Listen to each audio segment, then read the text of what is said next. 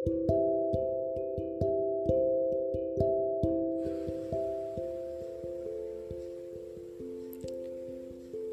ini adalah hari terbaik dan lebih baik dari hari kemarin.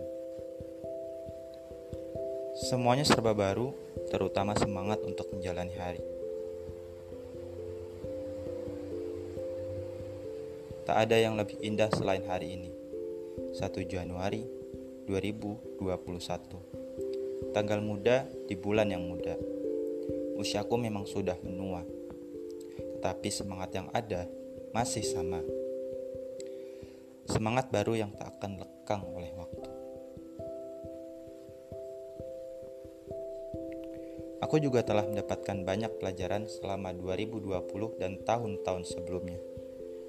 Tak bisa kusebutkan satu persatu karena semuanya begitu berharga.